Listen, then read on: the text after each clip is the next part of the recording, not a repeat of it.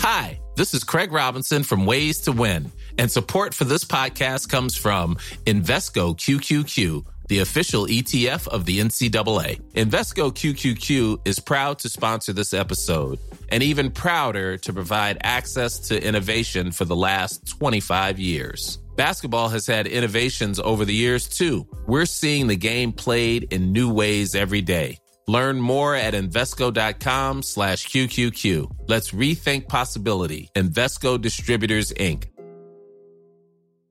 I'm Sandra, and I'm just the professional your small business was looking for. But you didn't hire me because you didn't use LinkedIn jobs. LinkedIn has professionals you can't find anywhere else, including those who aren't actively looking for a new job but might be open to the perfect role, like me.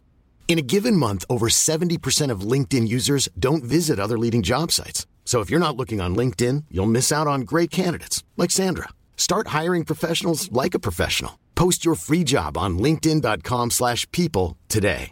Quality sleep is essential. That's why the Sleep Number Smart Bed is designed for your ever evolving sleep needs. Need a bed that's firmer or softer on either side? Helps you sleep at a comfortable temperature? Sleep Number Smart Beds let you individualize your comfort so you sleep better together. JD Power ranks Sleep Number number 1 in customer satisfaction with mattresses purchased in-store. And now save 40% on the Sleep Number limited edition Smart Bed for a limited time. For JD Power 2023 award information, visit jdpower.com/awards. Only at Sleep Number stores or sleepnumber.com.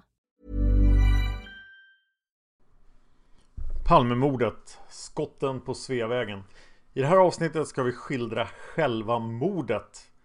Klockan 23, någonstans mellan klockan 23.05 och klockan 23.10 kliver paret Palme ut från biografen med sonen Mårten och hans flickvän. Man vet inte den exakta tiden för tydligen kunde filmer gå olika fort på den här tiden på grund av hastigheten på olika projektorer skiljer sig åt. Det låter jättemärkligt. Filmen är 1.49 lång då. Började kvart över nio, borde sluta 23.04. Det är ungefär 300 meter från biografen Grand till mordplatsen. När jag talar om vittnesmål i det här avsnittet så kommer jag bara att gå på vad vittnena sa omedelbart efter mordet. Snart kommer vi att komma till vittnesavsnitten. Där kommer jag att granska varje vittne som var vid mordplatsen och hur deras berättelser ändras, information som tillkommer etc. Eh, Vi kommer ignorera vittnesobservationer runt biografen eftersom vi kommer göra ett eget avsnitt om grannmannen. Det finns förstås en möjlighet att mördaren eller mördarens medhjälpare är i folksamlingen i samband med att folk kommer ut från bioföreställningen. Men nu kommer alltså Olof Palme, Lisbeth, Mårten och flickvännen ut. Det är mulet, det blåser 3,5 meter per sekund. Det är minus 5,4 grader i Stockholm klockan 23. Det är sportlov, det är fredagskväll efter löning. Det är ganska mycket folk i rörelse. Tunnelbanan vid Rådmansgatan i hörnet Sveavägen Rådmansgatan är tunnelbanegången de kom ifrån. Där gick de upp när de skulle gå på bion Lis Lisbeth och Olof. Och det verkar ju naturligt att de ska gå tillbaka dit.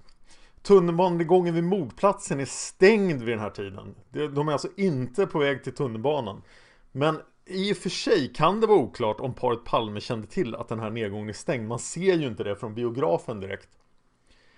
Men enligt Lisbeth då har de bestämt sig för att gå hem för Olof tycker att han har suttit hela dagen och vill ha lite motion. Så de har alltså bestämt sig för mitt på fredagskvällen i bäckmörker då gå hela vägen till Gamla stan. Och det, det verkar ju ganska ambitiöst och vägen är rätt underlig också.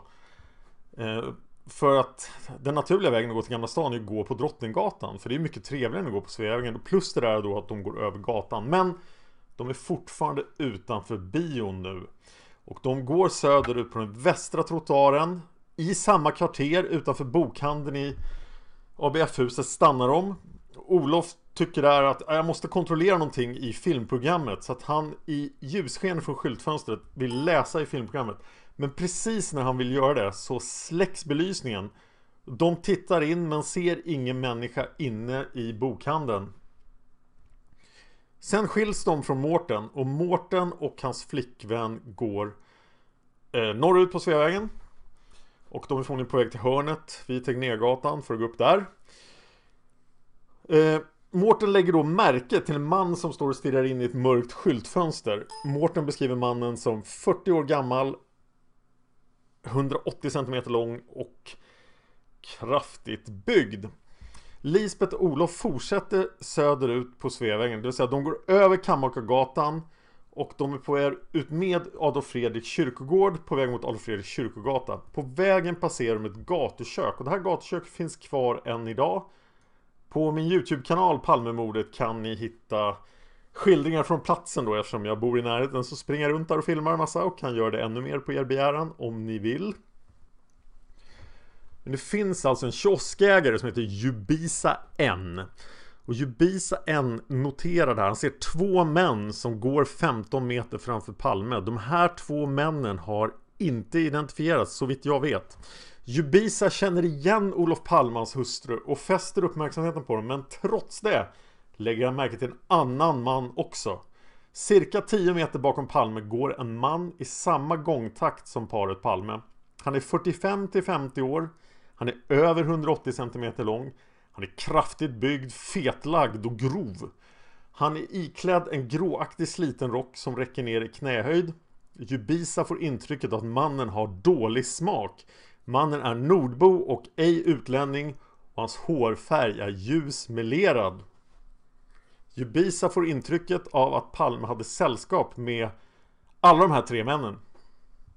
När sällskapet har passerat får Jubisa kunder och tappar fokus på Palme. Och här vill då någonstans efter kiosken vill Lisbeth gå över Sveavägen till östra sidan för att titta i ett skyltfönster. Och jag har nu listat ut att de går över vid det bortre övergångsstället. Det finns nämligen två övergångsställen vid Adolf Fredrik kyrkogata. Och om det här är en komplott så måste den ha blivit fullständigt förvirrad för den här vägen är inte naturlig för att gå hemåt. De går över gatan, de är i riktning bort från vägen mot Gamla stan. Och det verkar också som att de inte är förföljda över gatan. Ingen följer efter dem över gatan. Det finns bara den gamla änkan som observerar detta och vi ska återkomma till henne i vittnesavsnitten. Efter att ha stannat och tittat då i skyltfönstret på östra sidan av Sveavägen fortsätter paret Palme söderut på väg mot Gamla stan och där möter de vittnet Nikola F. Han har precis passerat Tunnelgatan där han av någon anledning har tittat in och inte sett någon. Eh, I höjd med Bonnierfastigheten säger han, men det måste vara fel och han ändrar det senare till Skandiahuset och det är rätt kvarter då. Skandiahuset går de alltså förbi just nu. Där då Stay Behind hade starka kopplingar till det här huset. Det pågår mycket underligheter i Skandiahuset men det ska vi återkomma till i ett senare avsnitt. Här möter då Nikola paret Palme. Lisbeth och Olof gick bredvid varandra. Olof gick närmast gatan. Nikola F känner igen dem. Men han hälsar dock inte för vem, vem gör det liksom när man ser en kändis gå förbi. Och Nicole har inte mött någon på Sveavägen innan han mötte Palme. Det är oklart hur folktomt det är och andra vittnen uppger fler personer i rörelse här. Men 5-10 meter efter paret Palme går en man som Nicola lägger märke till. Han tycker mannen verkar äldre. Mannen har på sig en blå jacka, kanske en Tensonjacka. Nicola tänker att mannen är Palmes säkerhetsvakt. Men samtidigt är mannen för gammal för att vara en säkerhetsvakt. Och det finns ingen annan person i närheten. Notera det, det finns bara den här mannen bakom paret Palme. Och Nikola har då alltså just passerat Dekorima-hörnet och där har han inte sett någon. För vi vet vem den här mannen är som går bakom Palme och det är inte mördaren utan det är nästa viktiga vittne. Anders B. Och eftersom vi vet att mannen i den blå jackan är Anders vet vi också att den här mannen som gick bakom Palme vid kiosken har inte följt med över gatan. Och eftersom Nikola inte har sett honom i Dekorima-hörnet som han just passerade måste vi anta att mördaren, om det är samme man, har fortsatt på Sveavägens västra sida och gått över gatan efter att Nikola har passerat och ställt sig i Dekorima-hörnet. Planning for your next trip? Elevate your travel style with Quince. Quince has all the jet-setting essentials you'll want for your next getaway, like European linen, premium luggage options, buttery soft Italian leather bags, and so much more. And it's all priced at 50 to 80% less than similar brands. Plus, Quince only works with factories that use safe and ethical manufacturing practices. Pack your bags with high-quality essentials you'll be wearing for vacations to come with Quince. Go to quince.com slash trip for free shipping and 365-day returns.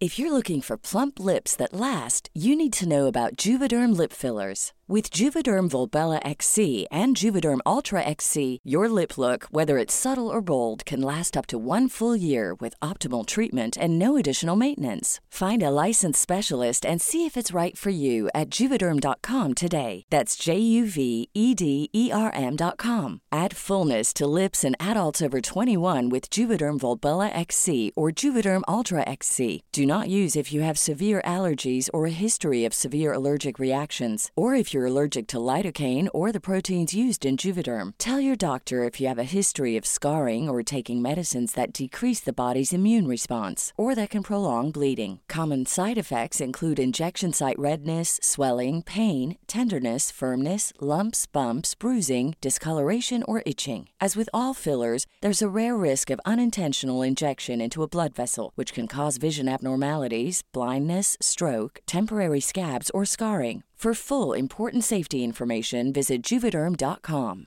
I'm Sandra, and I'm just the professional your small business was looking for. But you didn't hire me because you didn't use LinkedIn jobs. LinkedIn has professionals you can't find anywhere else, including those who aren't actively looking for a new job but might be open to the perfect role, like me.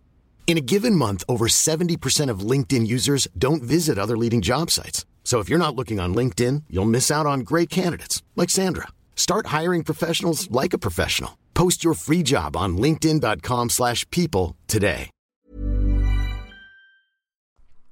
Det borde rimligtvis innebära att han inte har hunnit stå där särskilt länge. Det finns fler hypoteser om var mördaren är just vid den här tidpunkten, men Nikolas vittnesmål utgör en viktig grundsten i utredningen. Över till Anders B då. Han är bara 27 år gammal, så Nikolas beskrivning av honom är inte så smickrande. Han har varit på firmafest och är nu på väg tillbaks mot Kungsgatan, det vill säga söderut på Sveavägen. Och han letar efter, han tittar efter tre fulla kamrater som har saktat efter. Och ödet placerar då Anders B precis bakom paret Palme just under de viktiga sekunderna. Anders har inte fattat att det är paret Palme som går framför honom. Hans första uppgift är att det är tre personer som går framför honom. En man som gick närmast huset och håller om en kvinna som gick i mitten. Samt en kvinna som gick längst ut mot gatan och de såg alla ut att vara i samma längd. Kvinnan som går i mitten är alltså då Palme. Anders B är säker på att sällskapet har gått framför honom i minst fem meter och de ser ut att ha trevligt och de småpratar med varandra. Anders Bs vittnesmål kommer att ändras en hel del framöver och vi kommer att syna det i detalj i vittnesavsnitten. Men just det här samtalet och det faktum att kvinnan som blir omhållen, alltså Olof Palme, har orsakat mycket huvudbry. Så vad händer? Jo, Anders B hör två stycken påsksmällare. Och det låter verkligen inte som ljudet av en Magnum 357 som avfyras utan ljuddämpare. Och ljudet verkar komma från det här sällskapet framför honom och kvinnan i mitten, det vill säga Palme, segnar ner på gatan. Kvinnan som går längst ut skriker någonting på ett utländskt språk. Mannen som sköt försvinner in på Tunnelgatan, ej panikartat och Anders B kan inte längre se honom. Och Anders blir rädd, han gömmer sin port. Och det här beteendet, han gömmer sig porten och står och tittar ut, vad är det som händer? Det får folk att tro att han är mördaren. Anders säger att mannen som sköt var klädd i en mörk eller mörkblå stickad mössa som var ihoprullad ett par gånger samt ett mörkt rockliknande plagg som gick ner till knäna. Det stämmer ju ganska bra med killen som gick efter Palme vid korvkiosken. Om han har satt på sig en mössa sedan dess. Anders såg inget vapen. Skotten faller 23, 21 och 20 plus minus 10 sekunder. Det är två skott som avfyrats. Och vi kommer att ägna minst ett helt avsnitt åt de här två skotten. Men den korta versionen är att det första skottet träffar Palme i ryggen och är direkt dödande. Det andra skottet snuddar vid Lisbeth men orsakar ingen som helst skada som har dokumenterats. Vapnet är en grov revolver. Exakt vilken revolver det är ska vi gå in på i detalj i ett senare avsnitt. Men just det faktum att skotten är så märkliga orsakar 30 års debatt. Skotten mot Palme är så exakt och skotten mot Lisbeth är verkningslöst. Varför sköts inte Palme i huvudet? Var det en supertränad expert som visste exakt vad man ska döda en människa? Eller var det en ensam galning som bara sköt på måfå? Och vad gäller polisens arbete från och med det här ögonblicket, ja även innan ska vi behandla det i samband med avsnitten om polisspåret. Polisens arbete är nämligen så dåligt att väldigt många ser det som ett klart och tydligt tecken på att det finns en konspiration inom polisen. Och jag vill här påpeka att det är otroligt osannolikt att det här mordet skulle förbli olöst. Det här mordet borde ha lösts med standardrutiner som fanns på den tiden. Men det kommer inte hända då och vi kommer att syna det i detalj som sagt i polisspåret. Men eh, vi ska nu istället följa mördaren. Men innan vi gör det måste vi ta upp ett till vittne som måste nämnas. Det är Inge M som har sett hela förloppet. Eh, även kallad musikläraren tror jag av många. Det är han och Anders som har haft mest uppmärksamhet åt Palmes hållsekunderna innan skottet faller. Inge sitter i sin bil på Tunnelgatan strax efter korsningen mot Olofsgatan. Med Olofsgatan, det vill säga han, han sitter med blicken rakt mot mordplatsen i sin bil och väntar på sitt sällskap som har lämnat bilen för att gå till bankomaten. Inge ser två personer komma gående på trottoaren på Sveavägens östra del i riktning mot Sergels torg. Han ser en man komma upp bredvid dessa båda personer bakifrån. Strax efter hör han två skott, ser hur det blixtrar till och en människa som faller omkull. Här har alltså mannen inte gått i sällskap med Olof och Lisbeth. Och skytten springer sen på Tunnelgatan österut. Det är väl det enda alla är rörande överens om. Inge ser inte mördarens ansikte men han kan berätta på morgonen efter när han blir förhörd, alltså han blir inte förhörd direkt att mannen som sköt var iklädd en mörk rock, den var längre än jackan, han har en mörk mössa och han var längre än Lisbeth och Olof. Genom hans sätt att röra sig får ingen känslan av att mannen är 30-40 år och det stämmer ju ganska väl med Jubisas och Anders observationer. Ett antal människor noterar vad som händer efter att skotten faller. Det smäller, folk tittar dit. Eh, det finns en taxichaufför han heter Anders D då, så för att inte förväxla honom med Anders B så måste vi kalla honom vid efternamnet då. Jag försöker följa den här namnkonventionen med förnamn första för att inte lämna ut dem. För det finns vittnen som har klagat massor på att de har figurerat i sådana här sammanhang med hela sina namn. Men den här killen heter Anders Delsborn och vi kommer att kalla honom för Delsborn. Han har sett situationen precis innan skotten från korsningen. Vi kommer återkomma till honom i vittnesavsnitten också. Sammanlagt finns det över 25 personer som har uppgett sig sett skjutningen på Sveavägen eller delar av den. Flera av dem satt i bilar, trafiken på Sveavägen stod still för rött ljus i korsningen. Men inget vittne hade fram till rättegången mot Christer Pettersson kunnat lämna några särskilt bra uppgifter om hur gärningsmannens ansikte ser ut. I nästa avsnitt ska vi börja, inte nästa avsnitt, men väldigt snart ska vi börja en lång granskning över vittnesuppgifterna från mordplatsen med fokus på de allra första vittnesmålen. För inom vittnespsykologin då så är de allra första vittnesmålen de viktigaste. De uppgifterna skrivs förhoppningsvis ner innan minnet har falnat, innan pressen har ändrat minnesbilderna eller kanske en utredare som råkar eller vill påverka vittnenas intryck. Vissa av vittnena är väldigt kontroversiella så vi kommer att spara dem som ett eget spår. Det finns minst tre vittnen som har lyckats med konststycket att bli misstänkta för att ha varit inblandade i mordet. Mördaren springer Tunnelgatan österut. I de första vittnesmålen är mördaren spänstig och målmedveten. Han är inte lufsande, han har ingen märklig gångstil. Allt det kommer fram senare. Mördaren är på väg mot trapporna upp mot Malmskillnadsgatan vid Tunnelgatans slut. Det finns en tunnel där men den är stängd vid mordtillfället. Och den stänger än idag klockan 22. För att komma till trapporna måste mördaren passera Luntmakargatan. Där råkar han springa rakt framför ett till viktigt vittne, Lars J. Lars J har varit på en pub i närheten av Luntmakargatan och går denna mot Tunnelgatan. Han är måttligt påverkad den första uppgiften är att han har druckit ett glas portvin under hela kvällen. Av en ren slump råkar Lars J känna väl till Christer Pettersson eftersom han bor där Christer Pettersson brukar härja. Och han kopplar inte ihop något av det här med eh, Christer. När Lars når korsningen Luntmakargatan Tunnelgatan har han två stycken knallar. Kanske ett fyrverkeri av något slag. Han tittar mot Sveavägen och ser en man segna ner på gatan medan en kvinna skriker hysteriskt. En man springer från platsen rakt mot Lars. Lars uppger att han är 15 meter från mannen när, denne, när han passerar.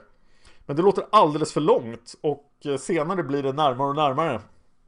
Mannen är 35 till 40 år gammal. Han är klädd i något mörkt jackliknande plagg. Och det hör till saken att Tunnelgatan vid mordtillfället är full av byggbaracker och gatulamporna är skymda av de här barackerna så det är jättemörkt på gatan. Det är inte idag, om ni går dit mitt på kvällen ja, vid 23-20 tiden så kommer det vara betydligt ljusare idag än vad det var då. Lars tycker det ser ut som att mördaren har en keps på huvudet och han har ingenting i händerna. Lars tvekar ett tag, väldigt oklart hur länge, om han ska skynda bort till den skadade eller om han ska förfölja mördaren. Och när han väl har bestämt sig för att springa efter har mördaren hunnit upp för alla trappor.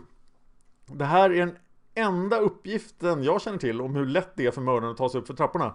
Och den är alltså väldigt oklar. Trapporna till höger upp mot Malmskillnadsgatan är blockerade av byggnadsställningar. Så mördaren verkar ha sprungit upp för de vänstra trapporna.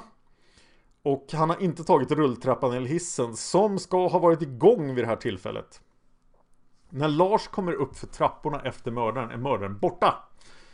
Men han möter ett par. Som han frågar var mördaren har tagit vägen. Paret uppger att mördaren har sprungit österut på Davids bagares gata. David Bagares gata ner mot Regeringsgatan. Lars kommer senare att utveckla sin historia så pass att han är ett av de tre vittnen som har blivit misstänkta. Men vi ska prata om det senare. Kvinnan i paret som Lars möter är det sista vittnet vi ska prata om idag. Hon heter Yvonne N. Vissa som analyserat mordet på Olof Palme vill betrakta Lars observation som det sista pålitliga vittnesmålet och att Yvonne har sett någon annan skum individ och inte mördaren. Men de flesta verkar tro att det Yvonne har observerat är mannen som sköt Olof Palme. A lot can happen in three years, like a chatbot may be your new best friend. But what won't change? Needing health insurance. United Healthcare Tri Term Medical Plans, underwritten by Golden Rule Insurance Company, offer flexible, budget friendly coverage that lasts nearly three years in some states. Learn more at uh1.com. Cool fact a crocodile can't stick out its tongue. Also, you can get health insurance for a month or just under a year in some states. United Healthcare short term insurance plans, underwritten by Golden Rule Insurance Company, offer flexible, budget friendly coverage for you. Learn more at uh1.com. Planning for your next trip? Elevate your travel style with Quince. Quince has all the jet setting essentials you'll want for your next getaway, like European linen, premium luggage options, buttery soft Italian leather bags, and so much more. And is all priced at 50 to 80% less than similar brands. Plus, Quince only works with factories that use safe and ethical manufacturing practices. Pack your bags with high-quality essentials you'll be wearing for vacations to come with Quince. Go to quince.com/pack for free shipping and 365-day returns. Och här kommer då Yvonnes observation. Yvonne och hennes sällskap, som var väsentligt mindre uppmärksamma än vad hon var. De har varit på en klubb på Johannesgatan. De går Johannesgatan söderut och svänger in på David Bagares gata och fortsätter denna västerut mot Sveavägen. De gick på den norra trottoaren. De hade gått 5-6 steg då Yvonne upptäckte en man som kom springande på den södra trottoaren. Avståndet till mannen var inledningsvis cirka 10 meter. Det var mest parkerade bilar på den sidan Yvonne gick på. Någon enstaka bil var parkerad på motsatta sidan. Det var dålig belysning. Yvonne gick närmast gatan. Yvonnes första intryck av den springande mannen var att han är jagad. Han vände sig om två till tre gånger under den tid det tog innan han hade passerat dem. Mannen sprang inte särskilt fort. Han hade nedförsbacke. Medan mannen sprang försökte han stoppa ner eller ta ut något ur en väska som han bar i vänster hand. Mannen gjorde rörelser som om han med den högra armen exempelvis försökte dra upp ett blixtlås. Väskan var 20 gånger 15 cm stor. Två intressanta observationer då. Lars såg ingenting i mördarens hand. Och andra vittnen som jag sparat i vittnesavsnitten har sagt att han stoppade undan sitt vapen efter skotten. Det är alltså troligtvis inte vapnet som mördaren försöker stoppa ner någonstans. Storleken på väskan är förvånansvärt lik den väska som Victor G, det vill säga 33-åringen, alltid gick omkring med. Okej, tillbaka till Yvonne.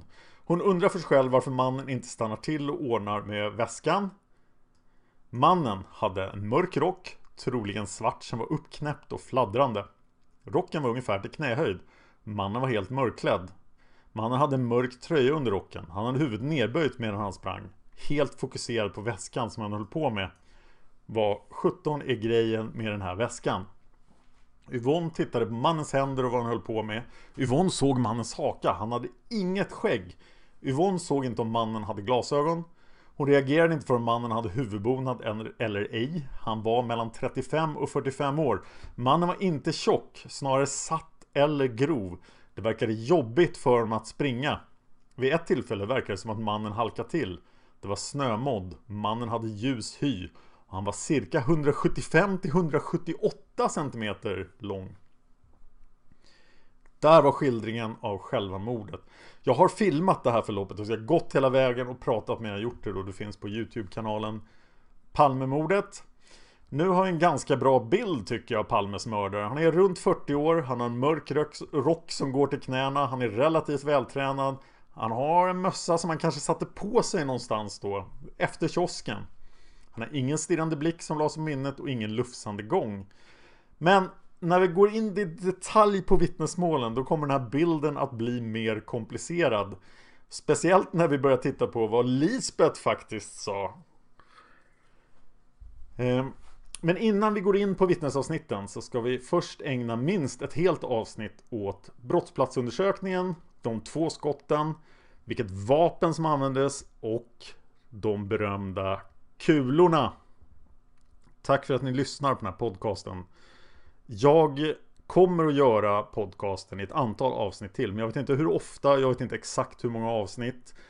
Och jag letar efter finansiering för det här projektet. Så att om ni en företagssponsor till exempel skulle vara intressant om ni har några tips. Eh, om ni känner något företag som vill sponsra en podcast. Eh, ni kan även gå in på patreon.com palmemordet och sponsra podcasten själva. Där ser ni även strukturen för i vilken ordning jag har tänkt att ta upp alla spår. Och så fort vi har sponsring nog för ett spår så kommer vi att gå in på det. Men först ska vi väl göra alla vittnesavsnitt. Vi får se hur det utvecklar sig. Ja, frågor, hör av er, recensera den här podcasten på iTunes ifall ni lyssnar här. För iTunes recensioner är alltid bra. Ni kan gå till Facebook och söka på Palmemordet så kommer ni hitta Facebookgruppen för det här. Eh, på Twitter heter jag Dan Horning. Dan Hörning heter jag egentligen då. Och följ mig gärna på Twitter. Där finns även en massa information för alla mina andra YouTube-kanaler och podcasts då. Ja, vi hörs i nästa avsnitt.